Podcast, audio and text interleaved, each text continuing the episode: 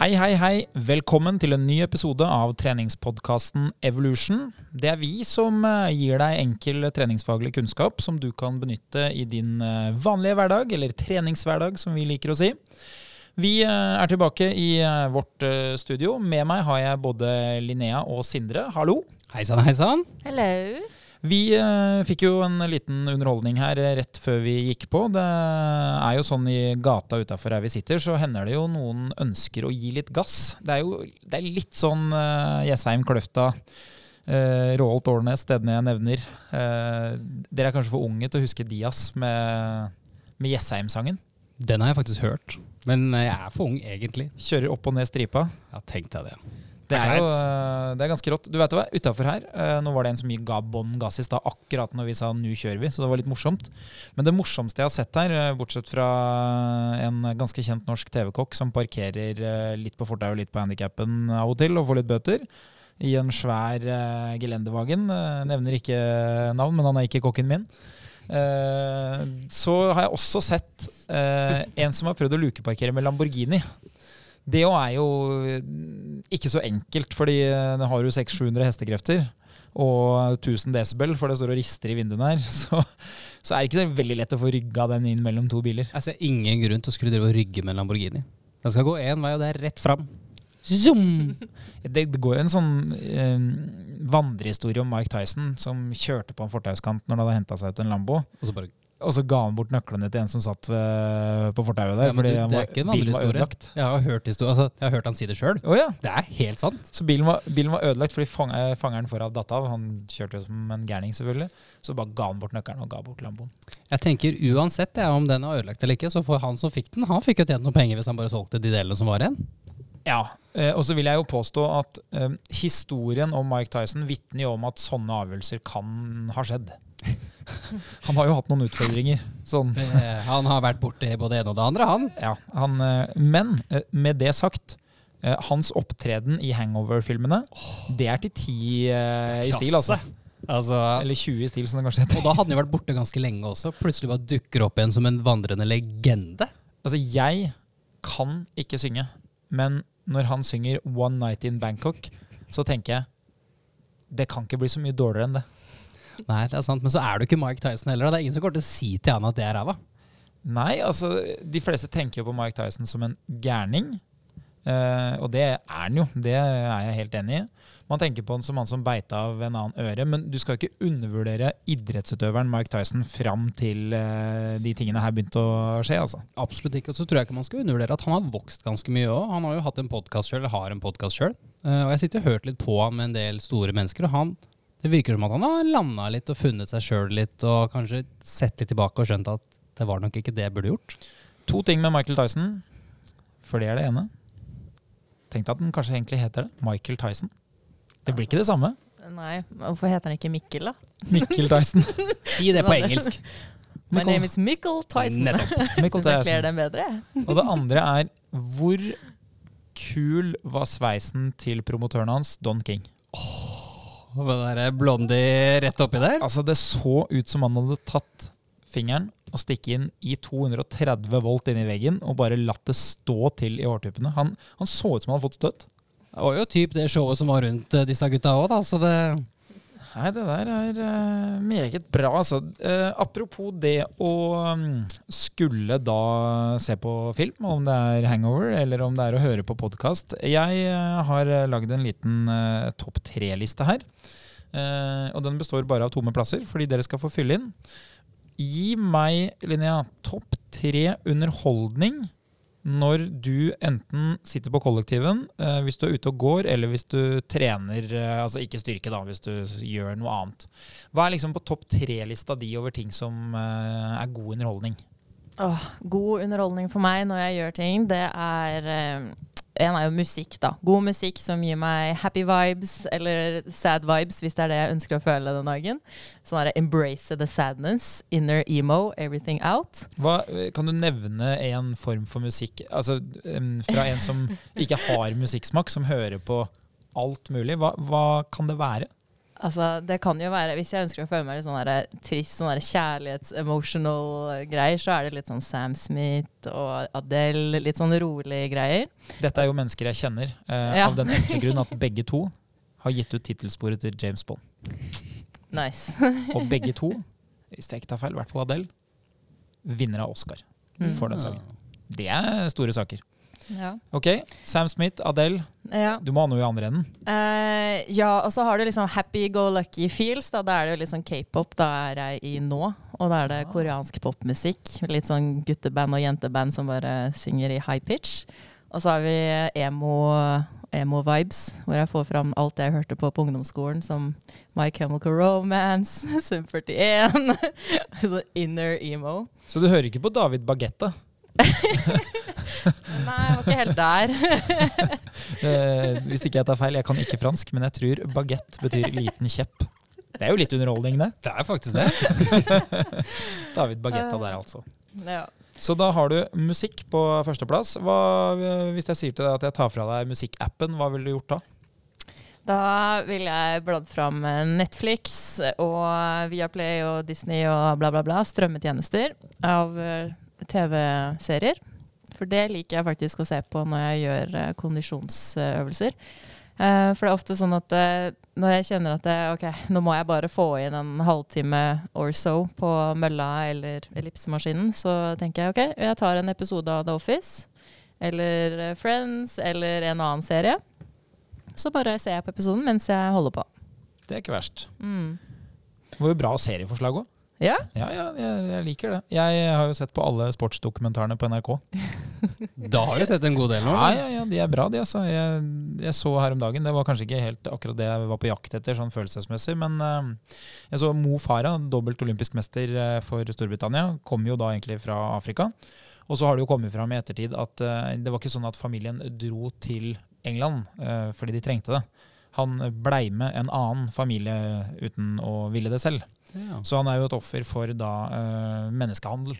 Mm. Og det er jo klart, det var jo en Det er en skandale, da. ja, det var ikke sånn Når du liksom begynner å høre historien om hvordan det var og Han var jo henta da for å drive eh, og følge opp de andre barna i den familien han ble henta til. Så han var på jobb, rett og slett. Eh, og var ikke ute, og var nesten ikke på skolen. Ingenting. Eh. Så det var, mens jeg løp, tenkte jeg at dette her var jo ikke akkurat liksom Det, det fikk meg ikke opp, dette her. Men på den annen side, det, det, trengs av og til. Har du noe eh, tredje forslag her? Hvis du ikke skal høre på musikk og ikke skal se på TV, hva gjør du da? Da hører jeg på podkast. Ah, har du noen forslag til eh, en god pod? Ja, jeg er veldig glad i um, sånn mindfulness-opplegg. Så nå om dagen så er det Jay Shetty sin podkast det går i. eh, hvor han intervjuer folk og prater litt om hvordan de tenker og gjør ting. Og litt sånn inter sette intensjoner for det de gjør, og bla, bla, bla. da. Det syns jeg er veldig fint. Eller så er det også sånne serial killers, da. Det er jo en slager. Jeg måtte bare sjekke her mens vi rulla. Begge to har vunnet Oscar. Det er sterkt! Det er faktisk ganske sterkt. Men det er jo Oscar. med en altså. James Bond-sang, da. Da blir det bra uansett. Det er ikke mange av de James Bond-sangene som er dårlige. Det som er litt spesielt med James Bond, er at det er noe jeg er ganske hekta på uh, fra jeg var barn. Eh, jeg har en, en, et søskenbarn, en fetter. Mm. han er en, eh, ja, en del år eldre enn meg, en, eh, nesten ti år eldre enn meg, og han har Downs syndrom. Som gjør at han var jo da eh, si 15-16 når jeg var liksom inn i James Bond-alderen, når du liksom er 8-9-10 år og begynner å skjønne hva du ser på. Jeg ble helt, helt hekta på James Bond, og vi så jo Han hadde hele eh, oppsettet da, med alle filmene ganske tidlig, før det kom sånne samlebokser og sånn. Og jeg, har sett alle de filmene så mange ganger. eh, og ikke at jeg hadde lyst til å bli hemmelig agent, liksom, men bare et eller annet med James Bond. Det er kanskje ikke så greit i dag, for det er ikke alt eh, Det er ikke alt eh, det, de sto for den gangen, man kan stå for i dag. Sånn eh, type oppførsel overfor kvinner og sånn, men et eller annet litt kult med det er det, syns jeg. altså. Så hvem er favoritt-James Bond din? Det høres ut som jeg vet hvem, men Ja, det har vært litt vanskelig, fordi det har jo vært Sean Connery fra start. det var det jeg regna med. Ja, ja, ja. Jo tøffere, jo bedre. Men jeg må jo si det at han Craig eh, har jo på en måte tatt det til eh, next level. Men hva med Pierce? Ja, Pierce Brosnan var jo For han kom jo når jeg sjøl var ungdom. Og filmene var jo de beste. Så Golden Eye for eksempel, er eh, Spillet har jo kanskje sørga for det òg, The Day After Tomorrow. eh, er det favorittfilmen? jeg tror det, faktisk. Men det er i hvert fall Pierce Brosnan-filmene. Ja. Nei, jeg syns uh, Tomorrow Never Dies òg er jo en, eh, en vinner. The World Is Not Enough. Men eh, når det kommer til musikk De, de to vi nevnte i stad, med Adele og Sam Smith, er jo, det er jo kjempebra låter. da, Det har jo vært listet opp uh, uansett. Men det å høre på gamle Shinaisten eller Bassie, det er, det er helt rå musikk. Men eh, vinneren står mellom a-ha, som ja, a-ha har hatt en James Bond-låt. Det er da man skjønner hvor store de er. Eller at de har hatt uh, mye, 200 000 tilskuere på Maracana Oh. stadion i Brasil. Da skjønner du at dette her har vært store saker. Ja. Uh, eller så har du um, Ja, hva heter de igjen, da? Uh, et annet band som eh, egentlig har den kuleste låta. Eh, jeg skal komme på det. Jeg har det, jeg har det egentlig klart, men så glemmer man av og til navnet. Nok om James Bond. Mm. Du hadde en fin topp tre-liste. Sindre, har du noe å tilføye den topp tre-lista som ikke er der? Lydbøker. Det hører jeg faktisk på en god. Ja. Ja. Har du forslag til lydbok? Nå driver jeg runder av The Captain Class. Det er en ganske interessant bok. Der har man liksom prøvd å forske på hva er det beste laget gjennom tidene. Og da har man liksom prøvd å lage en del kriterier da, for å finne ut hvordan er det beste laget, hva skal til for å bli det beste laget. Er det en god kaptein, er det en god trener, og hva er det kulturen skaper? Og masse sånne småting da, som har prøvd å gjøre at man finner ut ok, dette laget her er tidenes beste lag. Ganske spennende. Man har gått helt ned Det eldste laget de har snakka om nå, er vel Ungarn eller noe sånt. 1953-landslaget. Dette her vet du bedre enn meg. Kan hende det er 1960 òg.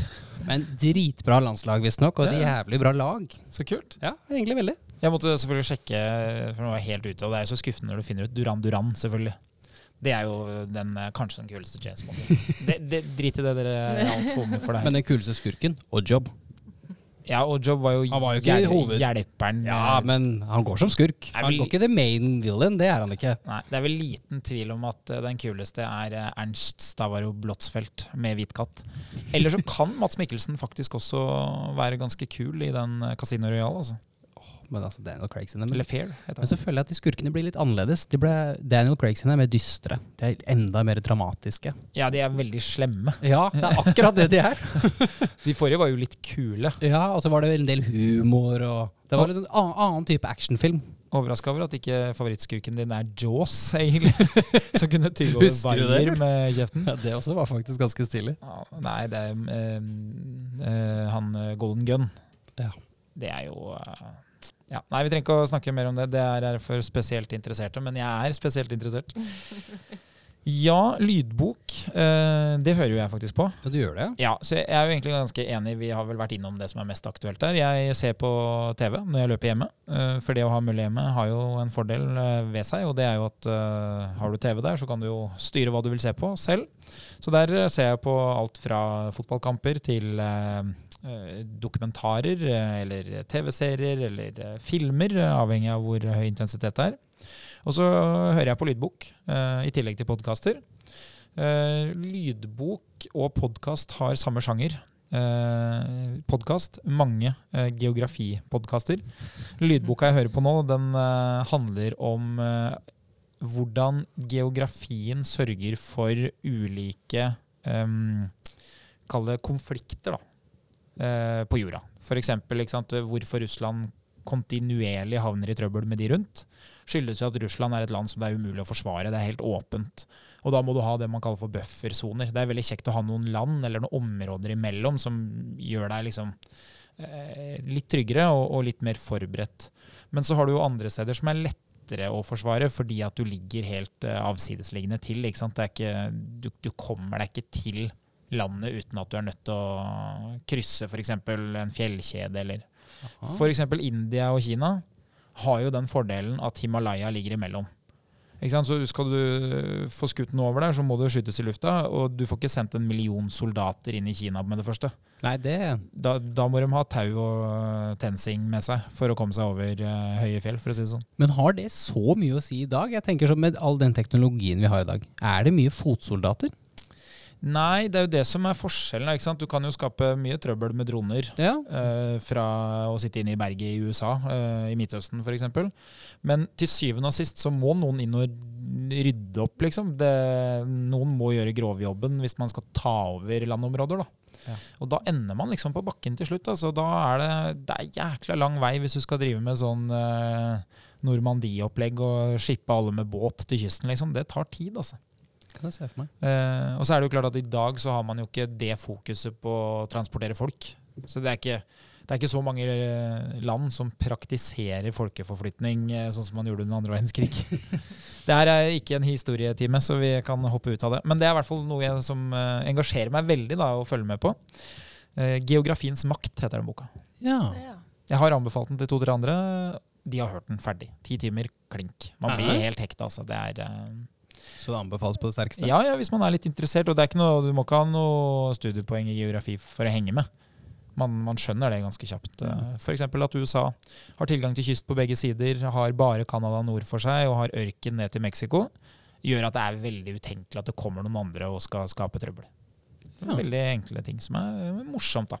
Tilgang til eh, energi og eh, mulighet til å lage mat i eget land. Stor, stor fordel. Eh, ikke sant? Har du ikke det, da må du drive med import. Da må du være kompis med naboen. Så det er morsomme greier. Ja, annet enn det, forslag topp tre-lista. Jeg tror jeg støtter dere. Gjør det? Ja. Ja. Det er vel ikke så voldsomt mye annet å gjøre heller, er det det? Nei, jeg tror siste punktet mitt er jo ikke gjøre noe, bare tenke. Det gjør jeg jo en del. Uh, Sjøl prøver å rydde opp litt, prøver å fikse noen oppgaver som jeg har. Kanskje jeg må planlegge noe sånt. Det hender jo at jeg gjør hvis jeg trener eh, rolig intensitet over lengre tid. F.eks. gå, løpe, gå på ski, sykle. Ja. Så det, det er også en, en mulighet. Uh, en ting som jeg lurte litt på, Linnea, det er jo hvordan går egentlig det prosjektet med, med chins? Hver gang jeg spør deg om det, så smiler du. Så enten så går det veldig dårlig, eller så går det veldig bra, og du underdriver eh, prestasjonen din. Men hva har skjedd siden sist? Eh, siden sist så har jeg vel egentlig bare fortsatt å trent. Gjort eh, de øvelsene jeg har skrevet til meg sjøl. Og jeg er egentlig ganske stolt av det, for så vidt. At jeg klarer å holde rutina gående med fire økter i uka. Det er liksom digg å være i en god flow. Og eh, på mandag nå, da, så gjorde jeg noe nytt på nedtrekksapparatet på Bryn her. Oi! Ja. eh, jeg kjørte bred roing. Nei, roing. Nedtrekk.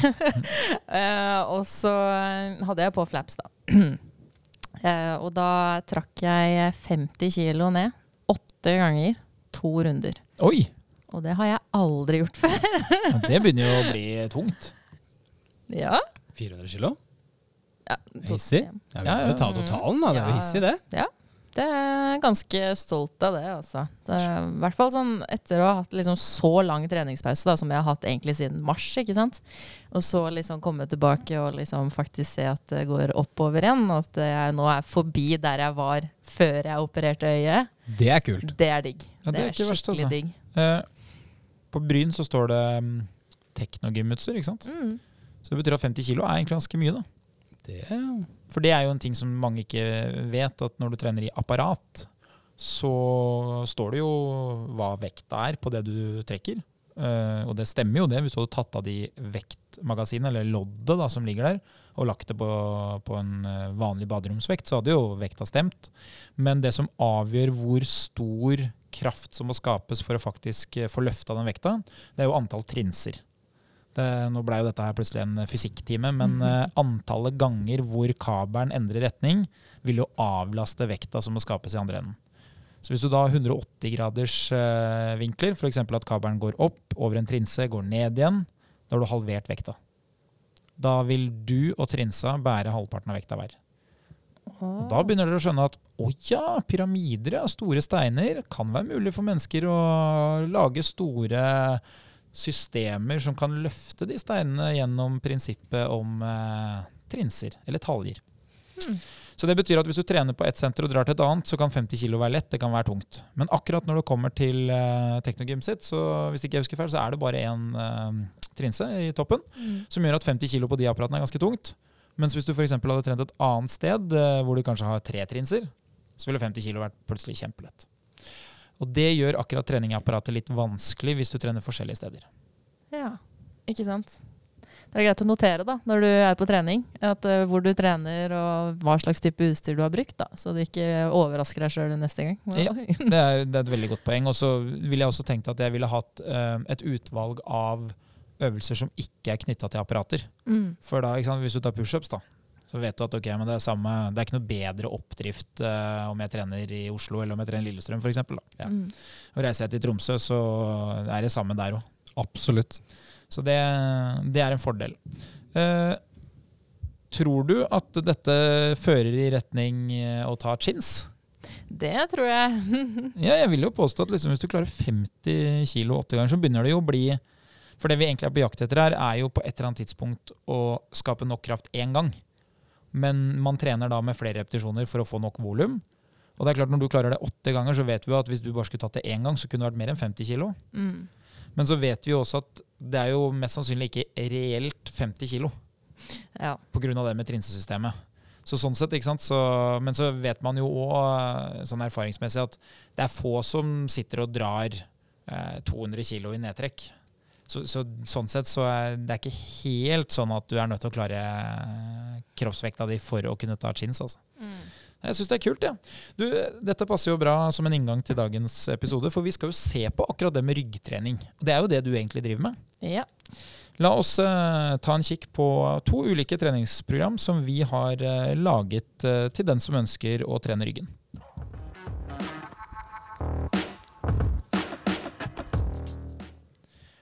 Når du skal uh, velge riktig trening, hva, hva, er det første du vil spørre deg selv om da, Sindre? Hva har jeg lyst til å få til? Ja, altså, hva, hva er målet? Ja, Hva er målet nå? Er det mange som kommer inn og har mål om å gjøre noe med ryggen? Ja, det vil jeg absolutt si. Eh, møter jo ofte, Når det er snakk om rygg, så er det ofte én av to ting. Jeg har vondt i ryggen, eller jeg vil klare en pullups. Eller en chins. Ja, så Enten så er det 'jeg burde ha vært der før', ja. eller så er det Jeg har lyst til å være her mye videre. Jeg har lyst til å være her mye videre. Enten jeg har lyst til Men det bli, vet jeg ikke på forhånd. jeg har lyst til å bli svær, eller eh, jeg har lyst til å bli frisk. Ja, basically. Det er ingen som vil ha altså Bred rygg, skjønner jeg, men det er ingen som vil ha høy rygg.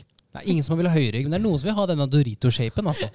nok, en, eh, nok en matvarereferanse her. Høyrygg. Det Chins og dips tenker jeg alltid på uh, chips og dip, så det er derfor vi tuller med det. For det snakka vi litt om i stad. Uh, høyrygg er jo jeg, jeg, har heller ikke noen kokkeferdigheter, men jeg vet at høyrygg det, det går det an å få kjøpt på butikken. Ja, godt stykka? godt stykka høyrygg. Tar denne mange repetisjoner, pleier jeg å spørre om da. men hva, hva, gjør du da hvis du får inn en person som sier du vet du hva, jeg har, jeg har litt vondt i ryggen. Uh, kanskje ikke det har noe etternavn på, på vondt i ryggen. Det er ikke sikkert at de f.eks. jeg har hatt prolaps, eller eh, hva, hva, gjør du da, liksom? Nei, veldig ofte. Det er jo litt sånn som vi har snakka mye før. Eh, vi må jo bruke denne GPS-en vår. Vi må finne ut litt hvor vi er. Og så må vi finne ut hvordan vi skal komme oss dit vi skal. Så det er jo gjennom tidligere erfaring, og da er det jo ofte en del spørsmål om å gjøre, og kanskje noen tester. Så først, hvis det er snakk om smerte i ryggen, så må vi finne ut hvorfor får du vondt i ryggen. Uh, og i veldig mange tilfeller så er det overraskende nok at man egentlig ikke gjør så mye. Man sitter egentlig ganske mye i ro, Sitter kanskje mye foran en dataskjerm, kanskje kommer hjem, sitter på sofaen. Så beveger man seg egentlig ikke så mye. Og så har man da en stor frykt om at eh, hvis jeg beveger meg nå, så blir bare dette vondere. Og det har jeg møtt ganske mange ganger. Og så er det jo klart at prolaps er et sånn normalt tilfelle da, som mange frykter. Ja. Er det det samme hos deg, Linja? Møter du folk som har lyst til å trene rygg, eller som har vondt i ryggen, eller? Ja, jeg møter ganske mange som uh, sliter mye med ryggen. og sånn her, Ofte så kommer det med inngangen med at de har, føler de har dårlig holdning. da. Og da er det liksom sånn, uh, så spør jeg liksom hva er det de gjør, og sånt. og det er sånn, nei, Vi sitter foran PC-en. De først, hvis de har trent litt på uh, treningsstudio selv, da, så gjør de jo ikke noe av nedtrekk og trekkøvelser. da, Og heller nesten ikke noe pressøvelser. For det, det de gjør, er at de kommer og går litt på mølla, ser på utstyret og går hjem. Ja. Så eh, det er jo ofte der jeg begynner, da, med å introdusere dem til øvelser som press og trekk, da, i um, både horisontal og vertikal eh, horisonter. for, for, det er jo et veldig godt poeng at man kanskje ikke trener så mye det som man da frykter å få vondt i, eller som man Mm. har vondt i. Man vil jo gjerne avstå fra det, som, som er helt logisk, egentlig. Eh, vi har jo en artikkel eh, liggende på Evolution som har vært veldig veldig mye lest. Den har ligget der i, i flere år. Eh, og Det er jo en artikkel om eh, ryggtrening som heter 'Styrk ryggen med fem øvelser'. En av de tingene som er litt sånn greit å ta med seg der, det er jo at da 80% av befolkningen vil oppleve en episode med ryggsmerter i løpet av livet. Det er jo ganske mange. ikke sant? Det er jo fire av fem. Og så er det jo sånn at 85% av de vil jo da være helt bra innen tre måneder uten behandling. Yes. Så det betyr jo at ryggsmerter kommer og går. Det, det må vi akseptere. Og jeg, jeg har jo også eh, en del som jeg kjenner som jobber eh, litt mer avansert med eh, type ryggskader og sånn. Det kan jo være fysioer, det kan være kiropraktorer. Og en av de tingene som jeg har lært meg da gjennom mange år, er jo at eh, noe av det som kan forårsake ryggskader, er jo litt sånn shit happens. At eh, det var tilfeldigvis eh, litt for tungt i en litt for håpløs vinkel. Eh, og i utgangspunktet så kan du ikke forsvare deg mot det som skjer. Eller at det er belastning over tid, eller at det bare er genetisk uflaks, rett og slett. Så det vi egentlig snakker om her, er jo da å finne øvelser som i hvert fall eh, kan på en måte legge til rette for at du er godt rusta for å ta imot belastning. Så vi prøver å bygge en grunnmur som eh, kanskje tar ned risikoen litt for sånn helt elementære overbelastningsskader. Så det er ikke noe sånn eh, OK, du har denne type diagnose i dag, du har denne skaden, ok, men da kjører du på med disse treningsprogrammene, så funker dette her knallbra.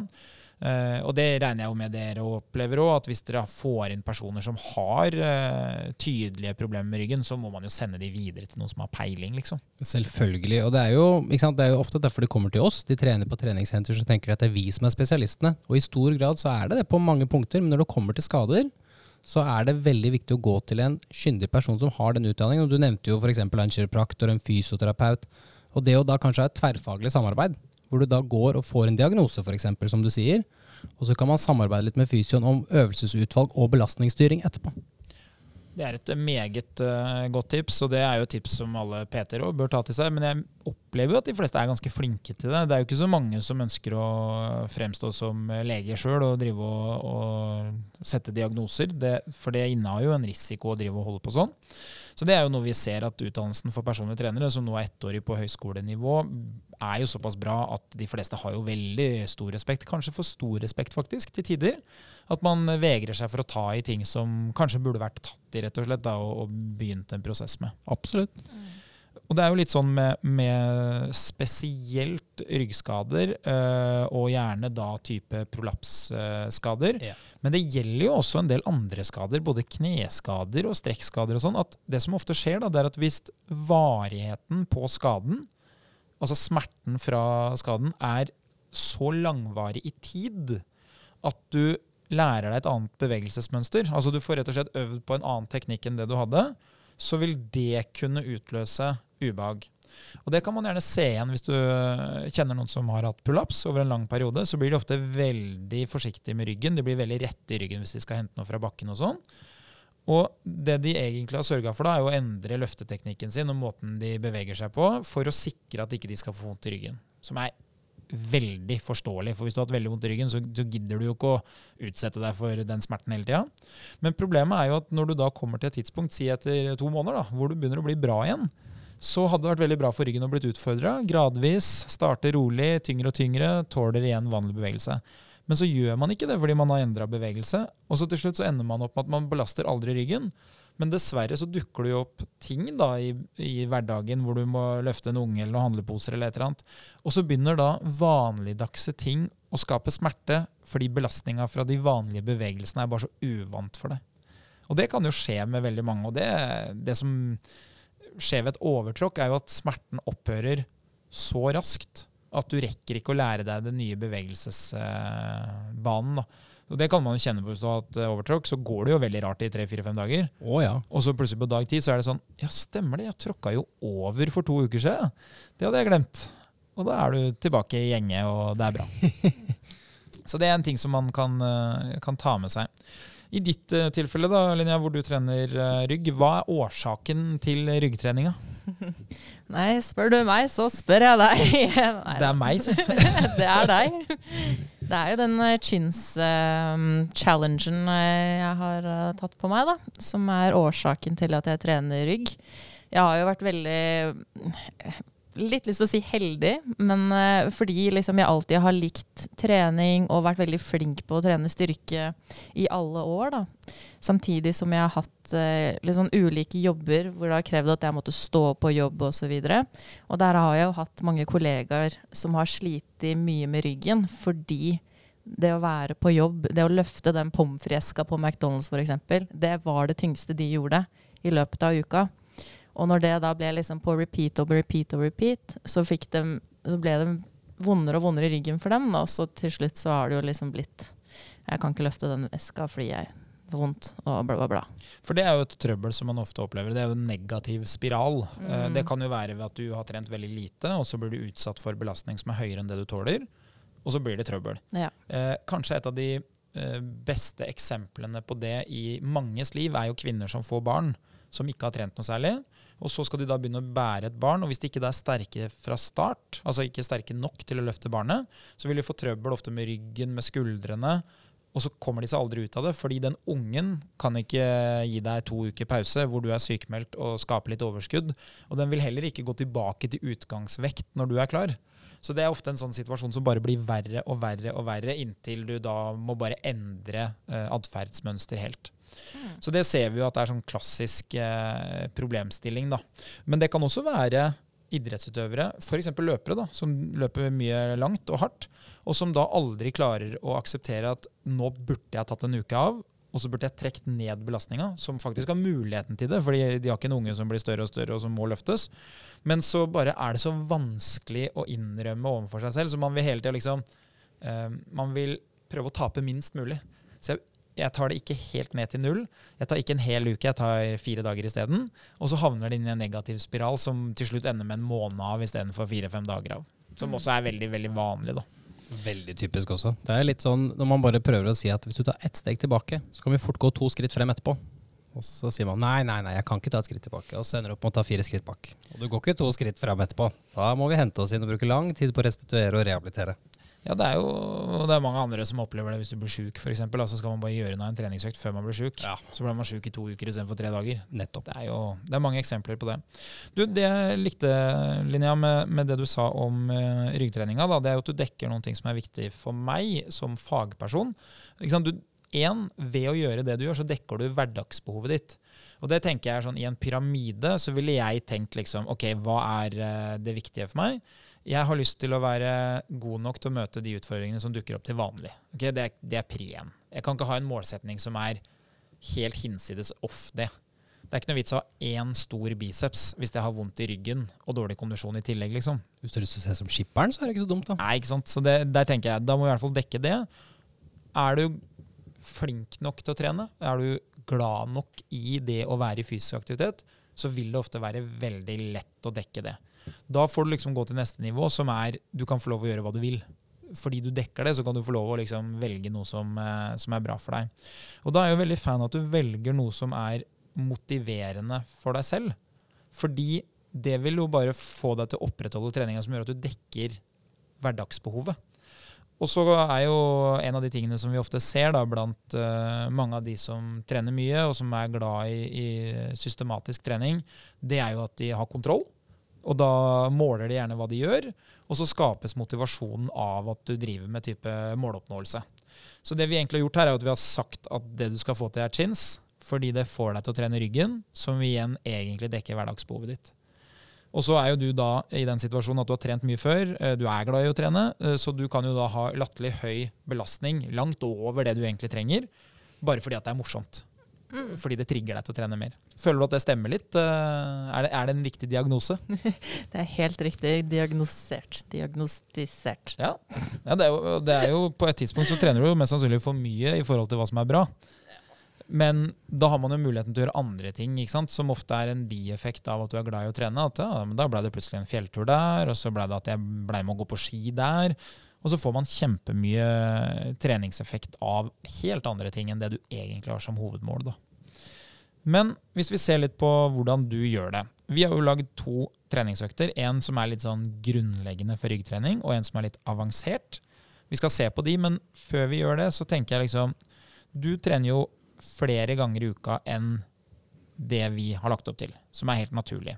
Men hva gjør du når du begynner treningsøktene? Har du noe oppvarming før de styrkeøvelsene som vi skal presentere, eller går du rett inn i styrkeøvelsene, eller hvordan gjør du det?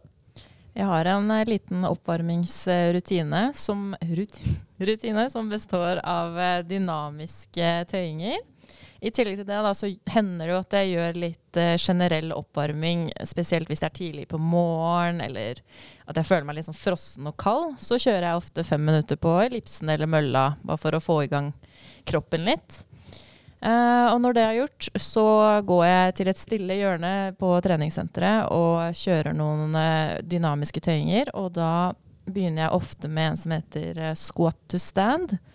Um, og det er jo at jeg tar henda ned på tottelotene, og så setter jeg rumpa dypt ned, og så løfter jeg rumpa opp igjen. Med henda på tottelotene hele tida. Sånn går jeg opp og ned. Så squat to stand, da. Uh, og etter den så liker jeg å finne en pinne og gjøre noen pinneøvelser for å varme opp eh, litt i skulderleddet og bryst og ryggen og liksom fortøye det litt der, da. Og da kjører jeg ofte en øvelse som heter eh, eh, Around the World, heter den. Og eh, da holder du den eh, trepinnen. Uh, det blir lettere jo bredere grep du har, da selvfølgelig, for det blir litt kortere vei rundt kroppen din. Men du skal ha armene helt strake. Så skal du begynne å løfte den skrått opp. Da kan du ha høyre side opp for først, og så skal den da rundt på venstre side bak kroppen din, og så over igjen da på høyre side. Er det den som ser ut som et helikopter? Ja, helikopter. Tjo! Ser de bare går sånn? Tjo! Ja, det er litt sånn Ja. Eller så kan du også si sånn, pad sånn her padling. Bare at Over du huet? går rundt. Istedenfor å bare padle foran deg, Ja. så padler du rundt kroppen, da. Helt Verås Larsen du er inne på treningssenteret. Hva, hva får du ut av de to øh, øvelsene? Hva, hva er liksom forskjellen på deg før og etter du har gjort de? Før og etter, eh, det er jo at det øker jo bevegeligheten min da, i eh, kroppen. Og øvelsene jeg skal gjøre, det sørger jo for at jeg da kommer meg helt ut i strekk når jeg gjør disse øvelsene, og helt opp igjen. Og da øver jeg jo på liksom på å bruke de bevegelsene og musklene jeg skal bruke i øvelsene jeg skal kjøre senere. På et sånt mikronivå så er det jo litt morsomt med sånn type oppvarming. fordi det du egentlig gjør, er jo det samme som vi ønsker på lang sikt med selve treningsøkta. Det er jo at uh, du blir bevisst hvilke muskler du beveger. Du får jo kroppskontroll. Du er jo på en måte klar for oppgaven du skal gjøre. Og så uh, sørger du jo for at du på en måte trener på det som du skal møte.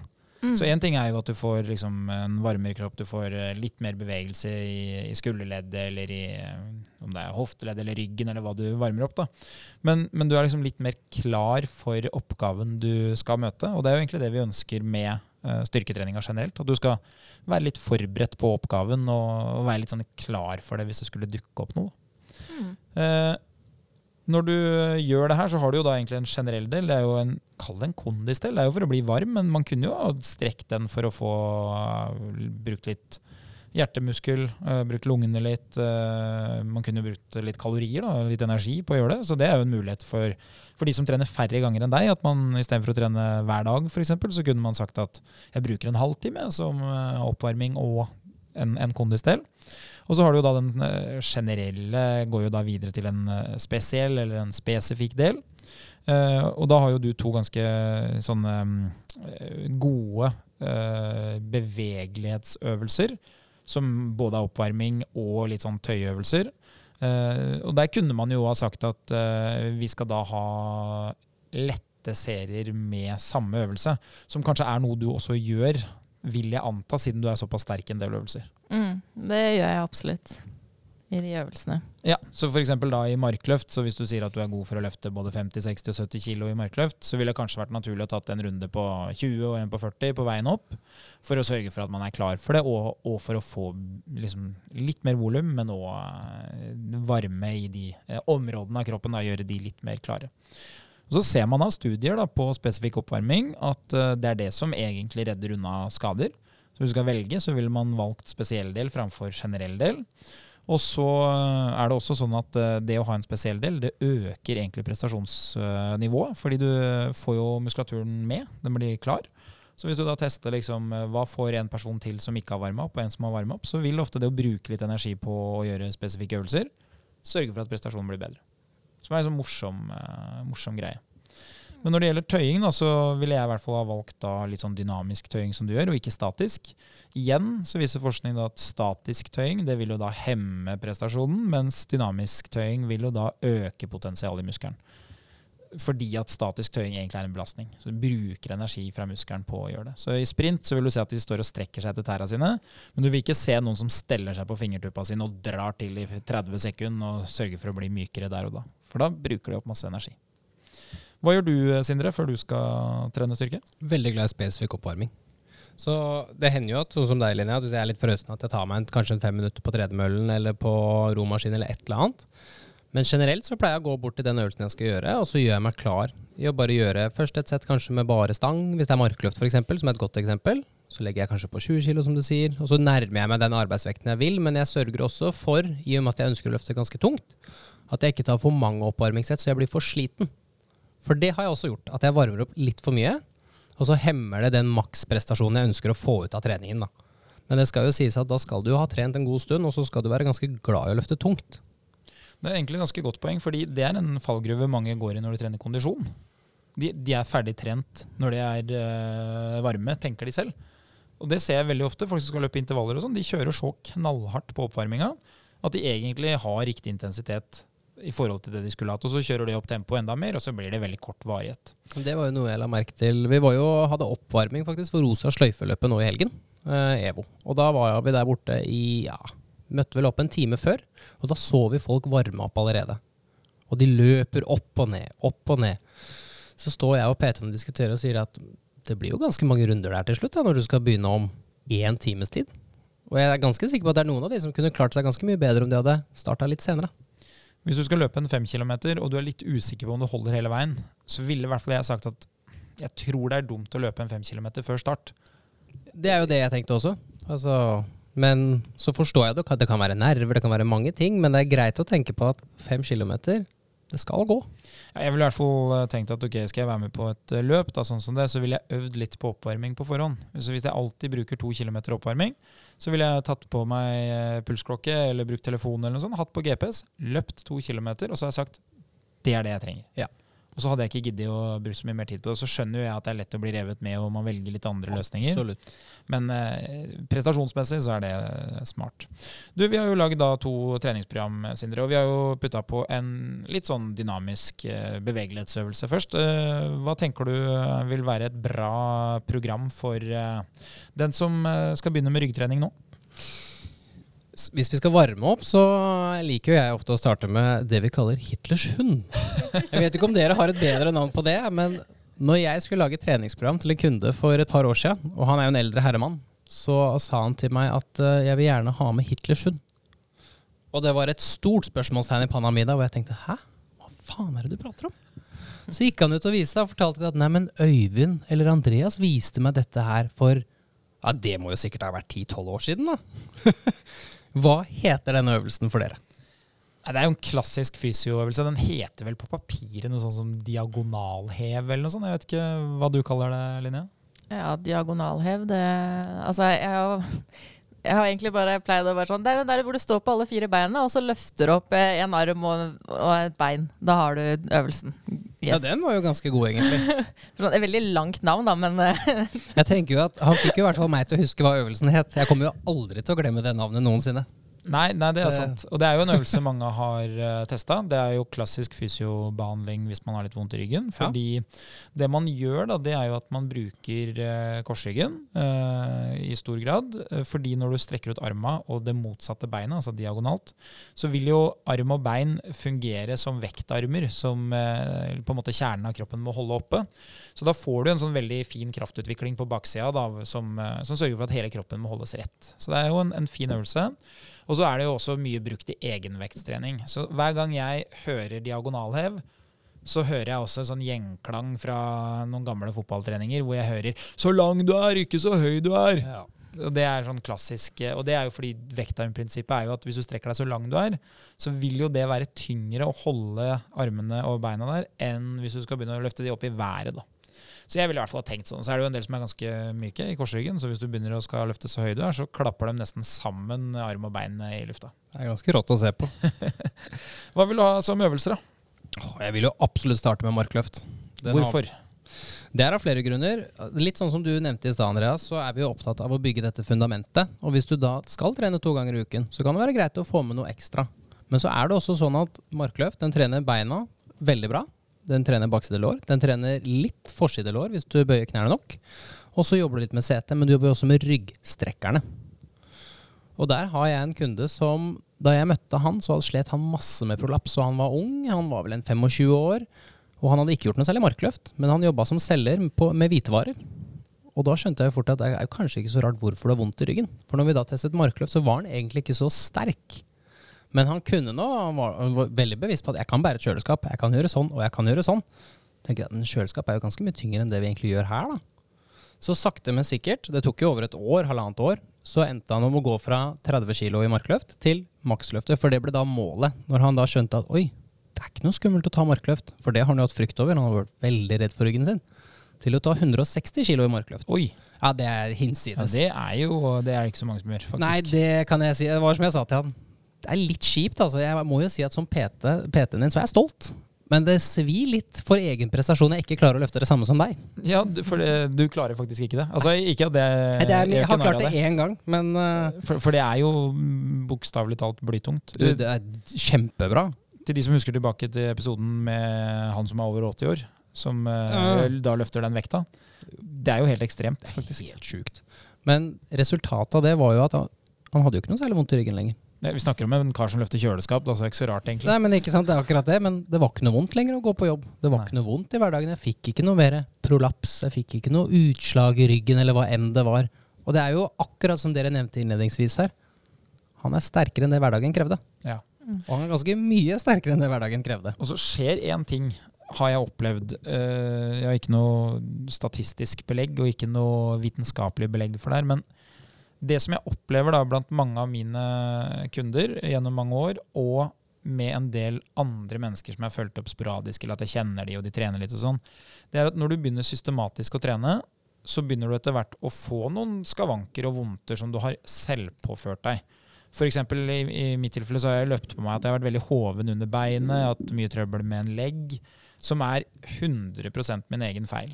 Men det er veldig mye lettere å akseptere smerte når man vet at det er på en måte en kalkulert risiko jeg har tatt, og jeg vet hvor det kommer fra. Og det opplever jeg også litt sånn eh, Jeg har jo hatt noen kunder som eh, av og til har fått sånn eh, kall hekseskudd i ryggen, eller at du, en liten muskel i ryggen har da fått en overbelastning, og så kjennes det ut som du får en strekk, og så går det over etter en liten uke. Og sånne ting hadde de kommet til å blitt livredde av i sitt tidligere liv. Men når de da har trent mye, de vet nøyaktig hvordan det har skjedd, de vet det var fordi vi var litt for hissige på grøten i markløft f.eks., så har de liksom ikke noe problem med å akseptere det. Og da tenker jeg at Hvis du tar en sånn person da, eh, og sier at i starten så opplevde du noe sånt av og til på jobb fordi det du driver med er for tungt, og så putter du de inn i et system hvor de begynner å skjønne at å ja, denne smerten den, den kommer jo fra et sted. liksom. Det er jo belastninga som fører til det veldig ofte. Putter den tilbake igjen i eh, samme måte, omgivelser og atmosfære, så begynner man liksom å akseptere at det skal være sånn. Tror du det skjedde med han et par ganger? Det Og det 160. vil jeg jo anta. Og det er jo akkurat det du sier. og jeg pleide liksom å, Vi pleide å diskutere det som at når han først fikk vondt i ryggen på jobb før, så var det som om varsellampen og brannalarmen bare gikk. Han ble livredd. Det var så vondt. Men så hadde han jo opplevd dette på trening. Og det var jo ikke så vondt, og det var jo ikke så ille som han trodde, som du sier. Så den varsellampa som gikk inn i han Nei, det er jo ikke noe å være stressa over. Herregud, det går jo over etter en uke. Så han kom jo tilbake på trening, og da sa han nei, men jeg gjør noen andre øvelser i dag. Jeg har jo fått disse her isteden. Det passer jo litt. Og så er jo plutselig alt snudd på hodet, da, fordi det han mest sannsynlig tenker er jeg må bli bra. For jeg har lyst til å trene mer. Helt mer. riktig, for det var jævla viktig å få til den 160. Så da plutselig ser du på det å være skadet som noe helt annet. Da. Det er noe du ønsker å komme deg bort fra, Ja. og ikke noe du ønsker å bære med deg. egentlig. Så det blir ikke sånn 'oi, nå har jeg vondt, nå må jeg passe på'. Det blir sånn 'jeg må bare bli kvitt det her'. Hver morgen så tenker du 'har jeg vondt'? Nei, jeg har kanskje ikke vondt. Og så har du egentlig det. Eh, som er det totalt motsatte ikke sant? av å leite etter smerte. Og det er jo det å, men det er jo det vi også jobber veldig mye med, det å bli kvitt frykt for smerte. Eh, Veldig mange av oss så må vi diskutere smerte, selvfølgelig, men sånn som det vi er innenfor her, det å ikke være redd for å skade seg litt. For det skjer. Det er som du sier, alle vi skal oppleve, åtte av ti skulle oppleve å få litt vondt i ryggen i løpet av livet. Og det går, nesten alle går over etter tre måneder. Ja, og det er jo det som må ligge til grunn her. Da? Vi kan ikke ha noen klassiske store ryggskader. Og Nei. hvis det gjør ekstremt vondt, så sier jo ikke vi at du skal bite tenna sammen og lukke øya, liksom. Det, det sier vi ikke. På ingen måte. Det gjør vi ikke. Eh, kjapt oppsummert, da. Øvelse én, den viktigste øvelsen i treningsprogrammet, faktisk. Ja. Markløft. Eh, fordelen da, du kan jo ha veldig tung belastning, som du beskrev fint her. Eh, man blir jo sterk, fordi det er mange muskler og mange ledd. Eh, Ja. Man får brukt eh, hele strekkapparatet. Man bruker jo både lår og rumpe og holder vekta med ryggen. Og så er det jo en fordel. Du øver jo på å løfte. Yes. Det er jo den øvelsen hvor du øver på å løfte. Og så um, er jo den andre fordelen da igjen, ikke sant, at siden det er så mange ledd, så er det så mange muskler involvert. Så hvis du blir god i den og får høy belastning, så får du trent veldig mye av kroppen. Så jeg er ikke i tvil om at hvis jeg eh, bare hadde fått lov å valgt én øvelse resten av livet, så hadde jeg jo valgt benk. 100% altså, Det er ikke noe tvil. Men jeg burde ha valgt mark. var det jeg skulle si. Eh, har du mange som kjører markløft av et eller annet type slag av dine kunder? Ja, nesten alle kjører markløft av et eller annet type slag. Har du et forslag til en annen type markløft? Eller, for markløft har jo ofte ved seg at det er vanskelig teknisk. Mm. Hvordan type markløftvariant bruker du? Jeg er jo mest glad i den rumenske varianten. Eh, Det er jo eh, med fokus på glutes, selvfølgelig. Eh, Som betyr at eh, den viktigste delen av denne øvelsen her er når du går ned. Og som, av min erfaring da, så er det i hvert fall de fleste er ganske redde for den delen når de går ned når de tar markløft. Så derfor så pleier jeg å begynne med kundene mine med å kjøre litt rumenske, sånn at de får øvd på den øvelsen med å eller den bevegelsen med å faktisk få bøyen i hofta og gli stanga ned langs beina. Da. Så det du egentlig gjør, er at du, du bøyer deg mer fremover, som skaper mer jobb for ryggen, men òg for rumpa og bakselåret. Og så har jo du da mulighet til å ta igjen kall det tapte, da, som du ikke får på forsida ved at du kjører en eller annen beinøvelse Ja. i tillegg. ikke sant? Så det er jo egentlig veldig smart.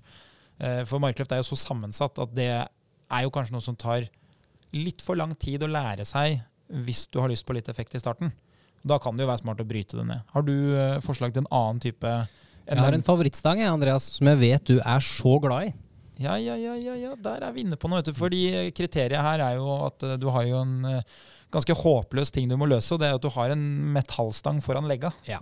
Så jeg gjør det ofte på to forskjellige måter. Du kan jo ha en metallstang foran legga, men så kan du også ha en manual mellom beina. Det er ofte litt lettere. Ja, på høykant. Helt riktig. Så, ja, veldig godt poeng. Så har du den på høykant, så holder du den da og løfter opp derfra. Det er ofte litt lettere, det blir litt mer stabilt, for det ligger litt nærmere tyngdepunktet og hvor det skal være tungt. Men så bruker jeg også favoritten vår, en trap-bar. Ja. Heksagon. Ja. Det er jo denne stangen som man står inni, folkens, som pakker rundt deg. Også veldig mye lettere å gjennomføre, og det er jo av litt ulike grunner, men det er ofte litt lettere å bøye knærne. Så det blir jo ikke så hoftedominant nødvendigvis som du er glad i, Linnea, men det er også fullt mulig. Men jeg opplever at det ofte er en lettere inngangsport til øvelsen. For de fleste av kundene jeg møter er nok sterke nok til å løfte ganske mye og få det til. Men de sliter teknisk, fordi stanga er foran. Og det er så mange bevegelser, så er de kanskje ikke så vant til å bruke hofta i så stor grad som det man er med knærne. Meget bra. Vi skal ikke bruke så lang tid på alle øvelsene, men hvis man skulle valgt en øvelse og putte den inn i treningsprogrammet sitt, så ville jeg valgt den her. Jeg er helt enig. Så da har vi diagonalhev som oppvarming, vi har markløft, og så må vi jo ha noen andre øvelser for å bli god i markløft, kan vi jo si da. Ja. Egentlig, vi må jo styrke muskulaturen eh, i ryggen generelt. Hva vil du ha som neste øvelse? Jeg har lyst på nedtrekk uten flaps. Uten flaps! Ja, og det er veldig enkelt. Det er jo fordi disse flapsene dine, Linnea, det er som vi har snakket om før, de støtter jo til og hjelper at du ikke bruker grepsstyrken så mye. Men du ønsker jo at vi også skal bli litt sterkere i markløft samtidig. Og det er jo litt i forhold til å bære poser også, hvis du er ute og handler. Så er det det å styrke grepet, så det å holde da stangen ordentlig med grepsstyrken, og trekke ned til seg. Good. Smalt eller bredt? Nei, jeg ville nok gått for så, Hvis det er første gang du gjør det, så er det ikke så altfor nøye, men jeg ville nok holdt midt imellom. Ja. Ikke nødvendigvis smalt, ikke nødvendigvis helt bredt, men midt imellom på rett ved der kanten går. Ja. Kan være fint. Jeg er enig. Hva vil du ha i tillegg til nedtrekk, som da for øvrig trener forsida av arma i stor grad, altså bicepsen din, og så trener du jo eh, den brede ryggmuskelen, altså den yeah. store som du kan eh, skimte under arma av og til. Doritoen. Hva vil du ha i tillegg til den? Jeg har lyst på roing. I Roing. kabel. Men hvilken roing i kabel er det vi snakker om? Roing. Roing. Eh, ikke romaskina. Ikke romaskina, nei. Ikke den hvor det bare går til maks 10. Nei. Det er viktig at det er et magasin her, og du kan gjøre belastningen tyngre og tyngre. Hva vil du holde i der, da? Der har jeg lyst til å holde i et vanlig sånn grepstrykk som gjør at du holder nøytralt grep. Så det- Vedtak? Vedtak. Jeg vet ikke, jeg bare foreslår kule navn. På, er ikke det engelskmenn gjør? Ja. Ah, nei, jeg ville i hvert fall holdt i et nøytralt grep, litt sånn som når du holder hammeren. Så hvis du finner et, eh, en stang hvor du kan holde det sånn som du ville holdt en hammer, med begge hendene, og trekk til det, så er nok det ganske greit. Dobbel hammer. Dobbel hammer time. Jeg er enig. Og da albuene inntil kroppen. ja, Ja. albuene skal føres inntil kroppen. Som vi snakka om i forrige episode, albuene inntil kroppen. Da blir det den store, brede ryggmuskelen. Yes. Al- Albuene ut fra kroppen, mye svakere, men da får du trent mellom skulderbladene. Og det leder oss vel eh, egentlig videre til de neste øvelsene, for nå har vi jo liksom Nå har vi trent eh, de store, sterke eh, musklene. Vi har trent de rette ryggmusklene. Ja. Og så har vi trent den store brede, det er jo norske navn der. Det heter jo da erector spina, eller gluteus maximus. Nei, gluteus, ja. Jeg mener jo. Latissimus dorsi, mener jeg. Ja. Jeg skal ikke sende folk eh, nedafor beltestedet. Men hva vil du ha som neste? Nei, da vil jeg jo ha rygghev. Nå skal det sies, vi har allerede gjort markløft, så mye av musklene er involvert og brukt. Men du får det da litt tyngre på det vi kaller toppunktet av øvelsen. Det er jo denne øvel, det er dette apparatet hvor vi legger oss over. Så litt sånn som du har nevnt i en episode, Linnea, hvor du har den under hofta. Legger du deg ned og strekker opp. Jeg spør for en venn. Må jeg rulle? Og det- Eller er det gammel uh, jeg måtte i hvert fall det når jeg fikk fysioprogrammet mitt for 15 år siden. Ja. Er det farlig? Det er øvelsen som jeg har øverst på lista over ting som er farlig. For, eh, altså fra gammelt av. Ja. Det der er farlige greier. Det, dips og markløft er de jeg var mest redd for, husker jeg. Jeg syns det er veldig spesielt å se hvordan den øvelsen har revolusjonert seg til å bli en bra ryggøvelse, men mest av alt en rumpeøvelse. Mm. Og den var livsfarlig. Ja, ja, ja, du må rulle! Ja. Hei, hei, hei, du må rulle! Det blir så tungt for ryggen din. Ja. Den knekker. Så, men med det sagt, eh, jeg ville ikke hatt med meg så mye ekstra bagasje i starten. Nei. Jeg tror jeg ville ha starta med kroppsvekt. Det holder nok med kroppsvekt. Ja. Sakte, men sikkert økt. Meget bra. Siste øvelse. Uh, albuene ut fra kroppen denne gangen for å få trent uh, mellom skulderbladene. Da ønsker jeg å gjøre ansiktstrekk. Ansiktstrekk, facepull. Facepull. Så da har vi eh, øvelsen, eh, og facepull gjør du da i kabel, Ja. Med feste i kabelstativet ganske høyt. yes, da vil du feste den litt over øynene dine. Og så sørge for, som du sier, å trekke albuene vekk fra kroppen. Så greit sånn i forhold til det kabelapparatet at du bruker et tau. Så da har vi eh, spesifikk oppvarming er diagonalhev, og så blir det markløft, nedtrekk, roing, rygghev, facepull. Tre av hver. Ti repetisjoner. Er vi enige? Jeg syns det egentlig er en ganske god start. Ja. Mm. Da sier vi det. Men Linnea, du eh, kjører jo en 2.0-variant. Du har jo ganske mye mer enn én sånn økt som du gjør én til to ganger i uka. Vi har jo tenkt å da lage et forslag til en litt eh, tøffere økt. Ikke sånn nødvendigvis veldig mye tyngre, men litt mer krevende kanskje i form av øvelsesutvalget. Hvordan eh, oppvarming ville du hatt hvis du ikke kan velge Scott to stand eller eh, denne eh, padlervarianten din? Har du et annet forslag? Yes, eh, mitt andre forslag må jo være altså, påstått da, verdens beste strekk. Verdens beste strekk. World's greatest stretch. Ja, Hvordan uh, gjør du det, sånn kort fortalt? Eh, kort fortalt, da. Du kan jo gjøre den Jeg har jo sett to varianter som man kan variere på. Enten så kan du ha én fot foran, én fot bak, og så setter du deg ned i en sånn ganske svær utfallsposisjon. Et enormt utfall. Ja, et enormt utfall, hvor du da plasserer hendene på innsiden. Altså, hvordan blir det da? Hvis du har venstre beinet foran og høyre foten bak, så plasserer du begge hendene på innsiden av venstre foten. Da. Så de er på høyre side av kroppen. Så Hvis det er første gangen du deltar i sprint, og du skal ut og løpe 100-meteren, og du har satt eh, begge armene på Ja. ene sida av beinet, da, da er vi der. Da er vi der. Helt riktig. Så vil jeg at du skal løfte opp venstre arm, hvis du har venstrefoten foran, selvfølgelig.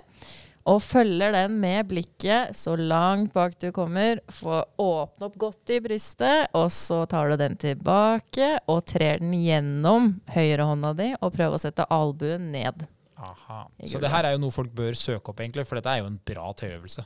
Ja. Jeg bare ser for meg at det kommer til å rive noe så jævlig på innsida av låret mitt. ja, det er mange som kjenner det der først, ja. Det er kanskje ikke det som egentlig er hele meninga her, men det er der jeg kommer til å Men uh, det her er jo en øvelse da som uh, både kombinerer muligheten til å få åpna opp eh, ledda sine litt. Man får jo liksom tøyd litt før man starter, og så får man jo brukt ryggen mye. Mm. For det er klart når du åpner opp her og skal se i taket, da er det jo full fres bak i ryggen for å få til den bevegelsen. Ja. Hva vil du ha som første øvelse? Vi kjørte jo på med markløft i stad. Ville liksom ha tyngste øvelse først. Mange ledd involvert, høy ytre belastning. Hva, hva kunne vi valgt isteden? Eh, Da har jeg valgt å sette opp eh, en av mine øvelser som jeg gjør for gøy ganske ofte. Noe som veldig få er sikkert enig med meg, men det er da frontbøy. Kalte du det gøy? Ja, jeg personlig syns frontbøy er gøy fordi jeg har god bevegelighet i skuldrene, og jeg syns det er gøy at andre syns det er dritt. Det hørtes ut som noen delvis mobbing. Jeg vet det. Det er jo en ganske ubehagelig øvelse for mange. Du får jo eh, stanga ganske godt inn i halsgropa. Ja, du får jo litt sånn Det er nesten sånn Klaus-følelse, tror jeg, på halsen for mange. Men um, det er en veldig fin øvelse, for du jobber jo mye med å stabilisere overkroppen samtidig som du skal ned i en uh, dyp knebøy, da. Eh, og så er det litt gøy å variere fra å ha den på ryggen til å ha den foran, da. Det er litt mer utfordrende. Men uh, hvis man ikke har peiling på hvordan man skal løse det med stang, Mm. fins det noen annen mulighet enn å Altså Hvis jeg heldigvis ikke er så sterk da, at stang er naturlig for å lesse på med ekstra vekt, kan jeg gjøre det på noen annen måte? Ja, absolutt. Du kan bruke sånne kettlebells. Um, og du kan bruke manualer. Uh, eller vektskive, da, hvis det er veldig, veldig vanskelig for deg, da. Kanon. Da, hvis man lurer på hva vi snakker om nå, og du har søkt på frontbøy og ikke helt skjønner det, så kan du jo søke da på goblet squat. Mm. Vil jeg tippe at du finner, eh, finner noen forslag her. Ja. Ok, da har vi den tøffe, tyngste øvelsen først. Hva vil du ha Vi valgte jo i stad noen trekkøvelser. Hva, hva tenker du kan være neste? Neste blir da en level up av eh, den eh, som Sindre nevnte i stad. Chins. My bitter enemy. Ja, så da må vi plutselig eh, henge skolerett her etter en stang i Ja. taket. Helt riktig. Og da kan du jo bruke strikk, Mm. f.eks. for eksempel. Eh, eller så kan du jo bruke sånn ferdig apparat. Sånn eh, Ja, Chins-apparat. Chins sånn. and dips assistant. Den er fin. For det er jo ofte et dipsapparat i samme slengen, det. Det er, jo, det er, To derfor, det er derfor det er morsomt med chins and dips. Der kom det. Eh, hva vil du ha i tillegg til denne? Da vil jeg ha roing i slynge. Å ja, så vi skal gjøre det enda verre. Vi skal, det skal være ustabilt. Ja. Hvor lavt uh, Skal jeg ligge med ryggen på bakken, eller skal jeg stå oppreist? Eller hva, hva, hvordan pleier du å løse det? Jo mer oppreist du står, jo lettere blir det jo. Så her må du jo nesten eh, teste litt sjøl og se hvor langt ned du kan gå. How low can you go? uh, ja, Hvor du da holder de her eh, TRX-kablene, har vi jo ofte på sentrene våre, da, hvor du trekker da deg selv opp. Og da vil jeg jo si det sånn at Hvis du er så god at ryggen din er nede i bakken, Mm. da er det bare å gå videre til en annen øvelse. For det er meget bra. Ja.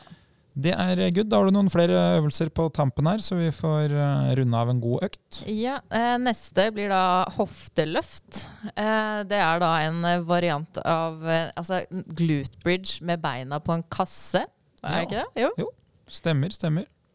Så Hva får du trent da? bakside lår, litt legg og litt rumpe. Ja, ja, og så er det jo en god jobb for ryggen nå, Mm. vil jeg jo anta. Når du først liksom har den store avstand å dekke da, mellom skuldrene og hælene, så vil jeg jo tippe at liksom eh, eh, Og der kan man jo gjøre det enklere. Man kan jo kjøre glute bridge òg, Ja. som vi snakka om sist, hvor du har beina i, i bakken. Det går jo an. Mm. Eh, nei, men Det er bra. Så det her er jo da den samme økta, bare at vi gjør øvelsene litt tøffere. Hva vil du ha som eh, finisher for eh, det som var facepull i forrige treningsøkt? da? Eh, da kjører vi på med omvendt fleis i kabel. Ja. Yes. Strake armer og rundt eh, kroppen. Mm. Meget bra. Så da har vi eh, frontbøy, vi har eh, chins, vi har roing og slynge. Vi har en type glute bridge som kan kalles hofteløft på norsk, og vi har omvendt flies. Ja. Det er meget bra, det. Hvor mange økter har du per uke sjøl? Jeg har fire økter per uke. Oi. Har du noen øvelser som vi på en måte ikke har vært igjennom, som du liker godt sjøl? Ja, det har jeg jo. En øvelse Eller eh, noe jeg er veldig glad i, da, som jeg nevnte i stad, som jeg hadde fått progresjon på, er jo da den her brede nedtrekken. Uh, og det gjør jeg jo for å styrke mer av den brede ryggmuskelen, og uten å bruke for mye av biceps og sånt, da. Ah, kult. Mhm. Så da kan du spare bicepsen så du klarer flere øvelser, eller kan trene oftere, eller samtidig som ryggen får kjølt seg ganske bra. Ja. Smart. Har du noen andre øvelser du, du gjør som vi ikke kommer til å se de vi har anbefalt nå å gjøre? Ja, det andre det er en enarmsøvelse. Det heter eh, pull around. Og eh, det er da nesten enarmsnedtrekk, eh, bortsett fra at du da skal ha hånda foran ansiktet, basically. Armen foran, og så skal du ta armen da rundt til ribbeinet. Eller albuen inntil ribbeinet igjen, da. Så du strekker. Du får veldig god strekk på den brede ryggmuskelen som vi snakka om i stad. For, for det er det, det som slår meg av og til når jeg er inne på treningssenteret, så ser jeg folk som driver med fancy ting. Mm. Og eh, fordi at jeg da er litt glad i biomekanikk, så er jo på en måte det det første jeg tenker. Og det jeg ser, da, det er at man lager kall det litt sånn hybridøvelser for å få full strekk. Ja. Så det du gjør da ved for, eh, Hvis jeg husker det her riktig, så av og til så kan man da sitte på kne Mm. i kabelstativet, og så har man da bare én kabel.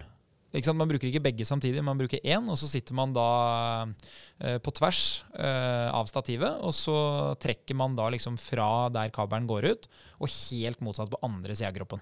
Ja, det er riktig. Og da har man egentlig lagd en veldig avansert metode for å få trent den muskelen med full strekk. Mm. Uh, og så får du en annen fordel, da. det er jo når du bruker uh, armene hver for seg, at de ikke trekker sammen, så blir de jo like sterke på sikt. Da. Så det er jo bra å ha litt sånne unilaterale øvelser, som det heter eh, på fancy-fancy. Yes.